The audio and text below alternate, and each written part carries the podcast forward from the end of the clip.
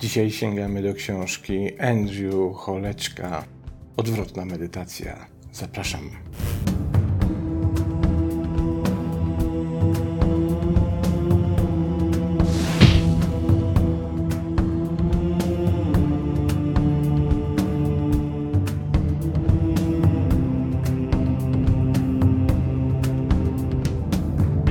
Tak najchętniej to bym tejże książce nadał podtytuł Medytacja dla zaawansowanych, bo po jej lekturze mam takie podejrzenie, że dla osób, które dopiero rozpoczynają przygodę z medytacją, albo też dla tych, które o zgrozo o medytacji wiedzą tyle, ile się dowiedzieli z YouTube'owych filmików z podznaku duchowego bypassingu, będzie to treść najdelikatniej mówiąc niezrozumiała, o ile nie kontrowersyjna, czy też budząca sprzeciw. Ja oczywiście czytam to nazwisko Andrew Holeczek, bo brzmi mi po czesku i być może gdzieś tam, chociaż tego nie doszukałem, w korzeniach rodzinnych autora te Czechy figurują. Zanim jednak przejdziemy do samej książki i sprawdzenia, kim jest autor, pomyślałem sobie, że warto jedną rzecz wyjaśnić, ponieważ słowo reverse czyli odwrotny, w kontekście uważności, w tym też medytacji, nie pojawia się po raz pierwszy w tejże książce, a jej premiera miała miejsce w lipcu 2023 roku, czyli jest nówka sztuka, ale pojawiło się przynajmniej według mojej wiedzy w roku 2009, na który to rok jest datowana premiera książki Ronalda Sigla The Mindfulness Solution. Ta książka została wydana w Polsce po 13 latach, czyli w tym roku pod tytułem Uważność trening pokonywania codziennych trudności i wydało tę książkę wydawnictwo Czarna Owca. Cieszymy się, że w końcu ktoś po tę książkę sięgnął, bo naprawdę jest tego warta. I tam w tej książce Ronalda Sigla pojawia się właśnie ten termin odwrotny, czyli reverse, w kontekście uważności. I proponuję zacząć dzisiaj od sięgnięcia do tego fragmentu, żebyśmy zobaczyli, że to nie o taką odwrotność chodzi. Poczytajmy to, co pisze Siegel. Mindfulness można ćwiczyć za pomocą praktyki nieformalnej, formalnej i odwrotnej. Praktyka nieformalna to stałe pamiętanie o zwracaniu uwagi w ciągu dnia na wszystko, co się wydarza w danym momencie. Oznacza to odnotowywanie wszystkich odczuć, które nam towarzyszą w każdym działaniu. Odczuć towarzyszących spacerowi, smaków towarzyszących jedzeniu i chmur oraz drzew, które mijamy. Praktyka formalna to celowa medytacja w określonej pozycji, w określonym czasie i określonej dyscyplinie. Praktyka odwrotna to wykorzystywanie każdej czynności, by odpocząć od uważności. To pozwolenie umysłowi zajmować się tym, czym chce. To obserwowanie w czasie rzeczywistym tego, w którą stronę uciekają myśli. Jeśli czynimy to w ciszy i skupieniu, umysł sam zaczyna wracać do uważności. Paradoksalnie, nieuważność zaczyna zwracać naszą uwagę na uważność. I te słowa napisał Ronald Siegel w 2009 roku, ale dotyczą, pamiętajmy, dotyczą one uważności. Czyli chodzi tutaj o pozwolenie sobie po prostu na biegunkę myśli. Na tyle intensywną, że umysł sam będzie miał tego dosyć. Czyli umysł niejako powie: OK, wystarczy, teraz potrzebuję ciszy, wytchnienia, spokoju, mindfulness.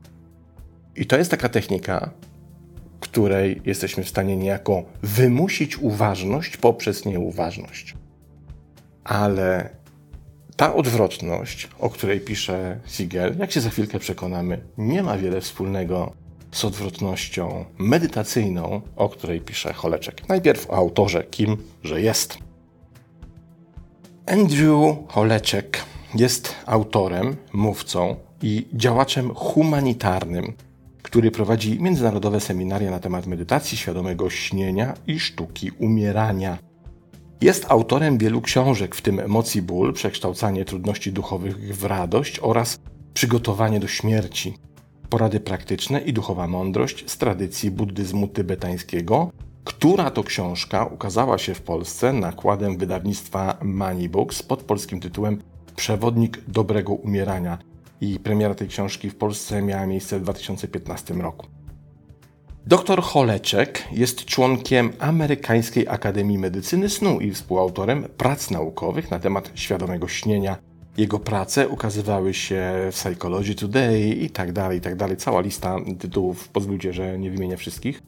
Prowadzi także popularny podcast Edge of Mind, w którym prowadzi rozmowy z czołowymi myślicielami w dziedzinach nauki, filozofii, duchowości, psychologii, studiów integralnych i sztuki. Andrew jest założycielem międzynarodowej społeczności Night Club, platformy wsparcia dla nocnych medytacji i współzałożycielem Global Dental Relief, która to organizacja zapewnia bezpłatną opiekę zdrowotną jamy ustnej dzieciom w fazie rozwoju.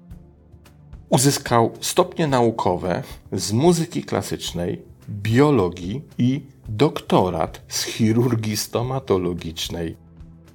A zatem mamy myśliciela, który zajmuje się duchowością i jednocześnie doktora chirurgii stomatologicznej. Mieszanka wydaje się wybuchowa, ale oto co ma nam Andrew Holeczek do powiedzenia. Spośród wielu praktyk, z którymi zapoznałem się podczas odosobnień, wyróżnia się jedna medytacja dziwaczna, intensywna, wieloaspektowa i rewolucyjna praktyka medytacji odwrotnej. Nauczyłem się tych praktyk w kontekście Mahamudry, w sanskrycie oznaczającym wielką pieczęć, wzniosłej tradycji buddyzmu tybetańskiego, która bada naturę umysłu. Było to ponad 20 lat temu i od tego czasu te radykalne medytacje stały się kamieniem węgielnym mojej duchowej ścieżki. Nazywa się je medytacją odwróconą lub odwrotną z wielu powodów. Po pierwsze, praktyki te są przeciwieństwem tego, co wielu z nas kojarzy z medytacją. Większość ludzi uważa, że medytacja polega na dobrym samopoczuciu, osiągnięciu zen lub innym relaksie, ale to tylko jeden mały aspekt medytacji. W pełnej medytacji nie chodzi o to, żeby czuć się dobrze. Chodzi o to, żeby czuć się prawdziwym. A bycie prawdziwym wymaga radzenia sobie z rzeczywistością w trudnych sytuacjach. Po drugie, te wyjątkowe medytacje mają na celu odwrócenie naszego stosunku do niechcianych doświadczeń co oznacza wchodzenie bezpośrednio w nie, zamiast ich unikać. Czyniąc to, możemy odkryć podstawową dobroć wszystkiego, co się pojawia, która jest głębsza niż dobro interpretacyjne. Podstawowa dobroć odnosi się do niewysłowionej takości, jestności, czy też takowości wszystkiego, co się wydarza, dobrego czy złego. Sytuacje, które kiedyś były przeciwieństwem medytacji, teraz stają się naszą medytacją. Przeszkody, które wcześniej utrudniały naszą duchową ścieżkę, teraz stają się naszą ścieżką. Oznacza to, że wszystko staje się naszą medytacją. Nic nie jest zabronione. Źle się czujesz? Cierpienie staje się rozkoszą? Czy to jakaś pokręcona forma duchowego masochizmu? Jak można w ten sposób odnosić się do trudności, odwracając swój związek? odkrywając w ten sposób spokój, który kryje się w bólu. Medytacje odwrócone są sprzeczne z instynktem, sprzeczne z intuicją i sprzeczne z naszymi normalnymi wersjami warunkowego szczęścia. Są one sprzeczne z naszym planem komfortu. Ale te niezwykłe medytacje prowadzą do odkrycia bezwarunkowego szczęścia, spokojnej plaży, która leży w najbardziej burzliwych sytuacjach. Nawet jeśli fala przypływowa uderzy w Twoje życie, jesteś teraz przygotowany do surfowania. Będziesz w stanie znaleźć drogę do tej niekończącej się spokojnej plaży, niezależnie od tego, gdzie jesteś i przez co przechodzisz. Innymi słowy, jeśli odwrócisz swoją medytację, tak naprawdę zaczniesz iść do przodu. Wkroczenie w swój ból pozwala na przyspieszenie ewolucji. Te niezwykłe praktyki przyspieszają Twoją ścieżkę, sprowadzając na nią wszystko. Poważni, medytujący często udają się na odosobnienie, nawet w sposób konwencjonalny, by osiągnąć postęp. I przyjrzyjmy się temu. Książka jest dość objętościowo obszerna, bo w drugiej swojej części zawiera naprawdę sporo medytacji, przykładów, konkretnych instrukcji, jak medytować. Ale spróbujmy najpierw sięgnąć do tego samego fundamentu, o co może autorowi chodzić z medytacją odwrotną. Otóż, o czym również pisze autor, medytacji, która jest rozumiana przez większość osób praktykujących tę technikę, chodzi o nieidentyfikacyjny umysł. Czyli tak naprawdę moglibyśmy powiedzieć, że jedną z definicji medytacji jest osiągnięcie takiego stanu, w którym jesteś zanurzony, zanurzona w obecności, w teraźniejszości, jesteś w pełni świadoma, świadomy tego, co się wokół ciebie dzieje i tego, co się dzieje wewnątrz ciebie.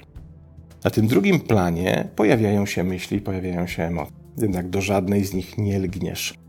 Z żadną się nie identyfikujesz.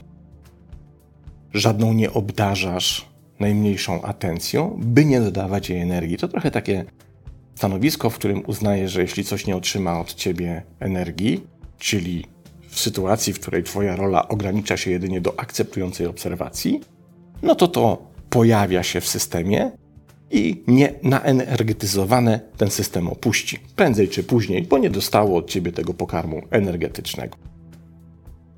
I na tym mniej więcej, oczywiście w olbrzymim skrócie, polega ten stan braku identyfikacji te wszystkie rzeczy, które się pojawiają, czy to są myśli, czy to są emocje, czy to są też doznania w ciele, po prostu przepływają, nic z tym nie robisz. Dzogczen.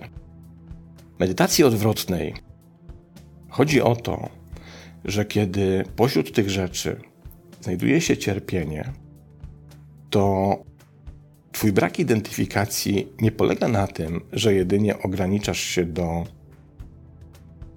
zdystansowanej obserwacji, akceptującej obserwacji, pozwalając, by to cierpienie przeszło, zniknęło, odeszło, tak się pojawiło, tak zniknęło. Ale wręcz zanurzasz się w tym cierpieniu. Pozwalasz sobie na to, by wejść głęboko w to cierpienie, po to, by zobaczyć jego podstawy, by odkryć tak naprawdę, różnicę pomiędzy bólem a cierpieniem. Bo dopiero jak głęboko wchodzisz, zanurzasz się w tym, czego tak naprawdę wszyscy przecież chcemy uniknąć. Jeśli się w tym zanurzysz, to dopiero w medytacji odwrotnej dostrzegasz, że cierpienie jest Twoją reakcją na ból. I to od Ciebie zależy jego poziom. Ból istnieje. Ból jest niezmienny. Ból się pojawia. Natomiast to, w jaki sposób go doświadczasz, to organizuje Twoje cierpienie. I medytacja odwrotna powoduje coś, co ja nazwałbym taką, taką sytuacją, w której Ty, zanurzając się w to, czego zazwyczaj chcemy uniknąć, również nie identyfikujesz się z tym, nie nadajesz temu siły, ale zaglądając w głąb tego doświadczenia, powodujesz, że ona się niejako rozpuszcza w tobie. Ból staje się mniejszy, cierpienie staje się mniejsze, te rzeczy stają się rozpuszczalne i w końcu znikają. Wytracają swoją energię. Czyli nie tak jak w medytacji tej, nazwijmy to klasycznej, w uproszczeniu, to po prostu przemija, przenika przez ciebie, odchodzi, zanika, ale zostaje rozpuszczone. To bardzo trudna technika bardzo wymagająca, bo wymaga bardzo dużej determinacji, bardzo dużej konsekwencji i bardzo dużych umiejętności medytacyjnych, o czym za chwilkę dowiemy się, czytając kolejny fragment autora. Odwrócona medytacja jest rodzajem psychicznej operacji, która może usunąć stworzone przez ciebie przeszkody i osłabić Twój opór, ale wymaga chęci stawienia czoła bolesnym lub niewygodnym uczuciom. Idea tolerowania trudnych sytuacji i niezadowolenia jako sposobu na zakończenie cierpienia może wydawać się paradoksalna i trudna do naśladowania. Jednak odwrócona medytacja jest w harmonii z buddyjskimi naukami o właściwym wglądzie, pierwszym i najważniejszym czynniku szlachetnej ośmiorakiej ścieżki. Która prowadzi do kresu cierpienia. W tym kontekście wgląd jest pokrewny filozofii lub światopoglądowi, wskazuje nam właściwy kierunek i nie pozwala nam się zgubić. Wgląd ten jest prosty do sformułowania, ale niełatwy do urzeczywistnienia. Cokolwiek pojawia się w umyśle lub w rzeczywistości, jest święte. Może nie jest to Twoja wersja doskonałości czy świętości, ale natura wszystkich zjawisk jest całkowicie boska. Dotyczy to także Ciebie i Twojego bólu. Największym powodem, dla którego cierpimy, jest to, że się reifikujemy.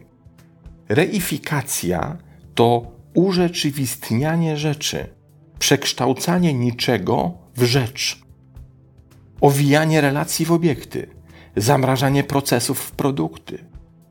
Urzeczowienie oznacza także nasycanie zjawisk mocą, której im z natury brakuje. Ból nie może cię z natury zranić, chyba że wzmocnisz go poprzez urzeczywistnienie i urzeczywistniasz to, przeciwstawiając się temu. I tu wraca ta koncepcja różnicy pomiędzy bólem i cierpieniem. Cierpienie w tej koncepcji jest urzeczywistnieniem bólu, ale jego poziom zależy już od tego, w jaki sposób tego urzeczywistnienia dokonasz. I co z tego wynika? Na to urzeczywistnienie, a zatem odczuwanie cierpienia, masz bardzo duży wpływ. Czy ktoś przy zdrowych zmysłach chce pozostawać obecny przy swoim bólu, być w bólu w pełni? W rzeczywistości tak. Duchowi wojownicy, ci, którzy noszą zbroję prawidłowego wglądu. Kiedy duchowy wojownik cierpi, wdaje się w konflikt. Chronieni właściwym poglądem, nieustraszenie idą do bitwy nie po to, aby pokonać ból, który odczuwają, ale aby w pełni w niego wejść, zaprzyjaźnić się z nim, a tym samym go przemienić. Celem formalnej medytacji w pozycji siedzącej w fazie umysłu było rozpoznanie i wyciszenie niekończącego się komentarza towarzyszącego pojawianiu się myśli. Medytacje odwrotne dotyczą intensywnych lub głośnych doświadczeń, więc aby w pełni przygotować się do poziomów głośności medytacji odwrotnych, musisz poszerzyć swoje zrozumienie ciszy. Cisza zewnętrzna jest oczywista, po prostu zmniejszasz głośność tego, co jest tam. Jednak ucząc się, jak zachować ciszę w środku, możesz wejść w hałas na zewnątrz i zabrać ze sobą ciszę. Wewnętrzna cisza polega na ściszeniu głośności tutaj, czyli na wyciszeniu naszego protestu przeciwko temu, jak jest. I to jest niezwykłe podejście, ponieważ w naszym naturalnym, również medytacyjnym podejściu my chcemy uniknąć bólu. Chcemy uniknąć cierpienia.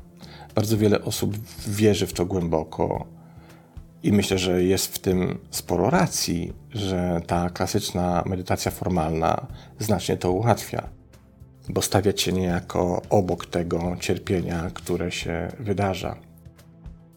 Dystansujesz się do tego, co dotyczy cierpienia związanego z konceptem ja. Tu jesteś pełen dystansu, a zatem to cierpienie przestaje być dla ciebie destrukcyjne, przestaje być wiodące w twoim życiu, przestaje cię dotykać, przestaje cię dotyczyć. W koncepcji medytacji odwrotnej mówisz, że wchodzisz w cierpienie po to, by je przemienić.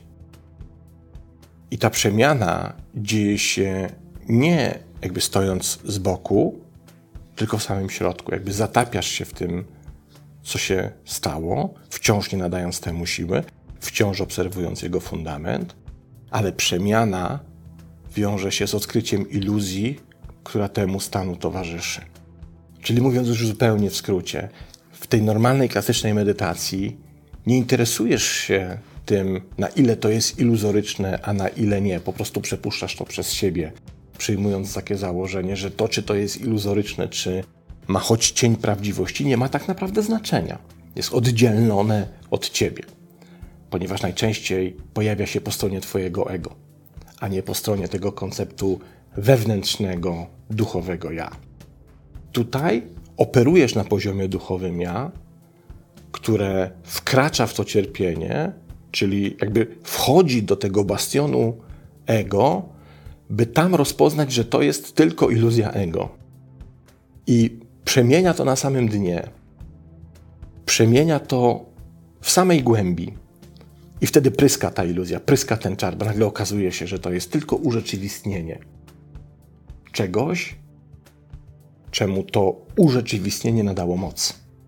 W rzeczywistości, jak pisze autor, to samo z siebie mocy nie ma. To samo z siebie nie ma siły. To samo z siebie nie jest w stanie operować na rzeczywistym poziomie, dopiero my mu nadajemy to znaczenie. To jest trudna koncepcja, ale myślę, że warto się nad nią pochylić, zastanowić, bo im bardziej o niej myślimy i im bardziej się w nią wgłębiamy, tym te klocki wydają się logicznie układać. Tym to zaczyna wszystko do siebie pasować. Mimo, że na początku mówimy, no jak to wejść w cierpienie, jak to doświadczyć bólu, bo jasną cholerę, prawda? Kolejny fragment. W odwróconej medytacji tyglem transformacji jest nasze ciało. Nasze ciało, nasza osobista ziemia jest podstawą naszego doświadczenia, do której musimy wrócić. Sri Aurobindo powiedział, że proces ścieżki polega na zstąpieniu ducha w ciało. Jest to bardziej ucieleśnienie niż transcendencja. Budząc się w ten sposób i pozostając w pozycji leżącej, pozostajemy w kontakcie z prawdą. Oszustwo, nie mówiąc już o konfabulacjach i katastrofach, nie może podążać za tobą do twojego ciała. Kiedy jednak odczuwamy ból fizyczny lub emocjonalny, domyślnie znieczulamy się, wycofując się do umysłu konceptualnego. Rozpoczyna się biznes rozrywkowy. Przy czym rozrywka oznacza tutaj trzymanie rzeczy pomiędzy. Zamiast trwać w trudnym uczuciu, cofamy się w kierunku łatwiejszego myślenia. Używamy myśli, aby chronić nas przed surową bezpośredniością naszego bólu utrzymując nasze historie między nami a tym, co boli. Pierwszym odważnym krokiem w przypadku medytacji odwrotnej jest przejście od stanu nieświadomego odrętwienia do tyłu w stan dyskomfortu. Jednak w miarę jak wchodzimy coraz głębiej w ciało, przechodząc przez każdy kolejny poziom emocji, uczuć, odczuć, nastroju i odczuwania zmroku wyłania się komfort który staje się bardziej subtelny i przejrzysty. Wreszcie dochodzimy do naszego rdzenia, pustej przestrzeni w centrum, która jest otwarta i wolna, ale jednocześnie stanowi podstawę całej naszej istoty. W tym momencie nasze wcielenie jest zakończone. Nasza realizacja jest rzeczywista, a solidne ego stało się jedynie odległym marzeniem. Medytacje odwrotne wymagają integralnego podejścia do bólu, podejścia, które honoruje i uwzględnia kluczową rolę bólu w podtrzymywaniu ewolucji fizycznej, jednocześnie uznając możliwości, jakie ból oferuje w promowaniu rozwoju psychoduchowego. Medytacje odwrotne również delikatnie wpisują się w praktykę miłującej dobroci, metta w języku palijskim, czy też maitri w sanskrycie, co może niektórych zaskoczyć. Jak pogrążyć się w bólu i być dla siebie jednocześnie miłym? Najmilszą rzeczą, jaką możesz zrobić dla siebie i innych, jest mówienie prawdy i życie nią. Ból może nie jest przyjemny, ale jest prawdziwy. I lepiej jest żyć prawdziwym życiem w piekącej rzeczywistości niż fantazją, iluzją, która wydaje się być wolna od bólu. I przychodzimy do tej części książki, w której autor oferuje cztery konkretne kroki które należy wykonać, by skorzystać z medytacji odwrotnej i które są taką sekwencją, która do tejże medytacji odwrotnej prowadzi, czy też te medytacje tworzy. Przeczytajmy zatem krok pierwszy. Obserwuj. Odsuń się na chwilę od bólu i obserwuj go. Sztuka polega na tym, aby uniknąć całkowitego wyjścia, uważaj, aby nie wpaść w bliskiego wroga dysocjacji. Krok ten polega na tymczasowym zdystansowaniu się od doświadczenia, aby uzyskać lepszy wgląd. Pierwszym krokiem jest także złapanie impulsu do ucieczki od bólu i uniknięcie wciągnięcia się w komentarz Twojego umysłu, który ma odwrócić Twoją uwagę od bólu. Chcesz kultywować świadomość świadka. Chodzi o to, aby oprzeć się impulsowi i uciec od niechcianego doświadczenia nie po to, by rzeczywiście od niego uciec, ale po to, by się z nim lepiej uporać. Krok drugi. Pogódź się z bólem bez ciągłego komentowania go. Przebywanie z cierpieniem w kroku drugim zachęca do somatycznej eksploracji bólu, a nie jedynie do obserwacji jak w kroku pierwszym. Krok drugi polega na bezpośrednim zmierzeniu się z niechcianym doświadczeniem, co oznacza jego odczuwanie. To instynktowne spotkanie i przywitanie. Transformacja naprawdę zaczyna się na poziomie uczuć. Wymaga to odwagi, ponieważ dopóki nie podejdziesz wystarczająco blisko, musisz być gotowy na przyjęcie kilku trafień. Innymi słowy, musisz porzucić wszystkie wtórne i trzeciorzędne ograniczenia pojęciowe i w pełni pozostać przy niechcianym doświadczeniu. Krok trzeci. Zbadaj naturę bólu. Ten krok przywraca koncepcję na scenę, ale są to zdrowe koncepcje w formie pytań, które kierują umysł we właściwym kierunku. To badanie pokazuje, że to, co nazywasz bólem i cierpieniem, jest konstruktem, jest wyłącznie konstruktem i dlatego można to zdekonstruować. To część naszej strategii dzieli rządź, kiedy odczuwasz ból, najwyraźniej coś w tym jest, ale to nie jest to, czym myślisz. Używając ukierunkowanych koncepcji w formie dociekań, aby przebić się przez rozprzestrzeniające się koncepcje, Twoje historie na temat tego, czym według Ciebie jest ból, możesz zdekonstruować swoje zwykłe narracje i zredukować to, co nazywa się bólem, do jego podstawowych składników.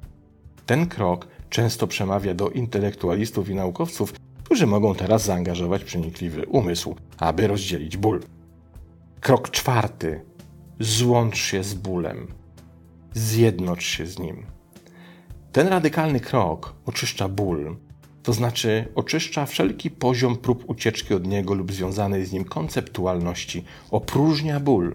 Tak mówiłem wcześniej, on go rozpuszcza. Usuwając jakiekolwiek koncepcje, opróżniasz je z wrodzonego istnienia, całkowicie dekonstruujesz, a tym samym pomniejszasz ból. Przekształcasz tę rzecz w nicość. Prowadzi to do wyzwalającego odkrycia, że jeśli zjednoczysz się ze swoim bólem, nie będzie nikogo, kogo mógłbyś skrzywdzić, łącznie z samym sobą. Co zostało? Nic poza czystą świadomością zmysłową, jakkolwiek intensywna może być, że to jedynie plama po etykiecie z napisem ból. Odkrywasz prawdę w idei, że cierpienie jest gotowym substytutem uzasadnionego bólu.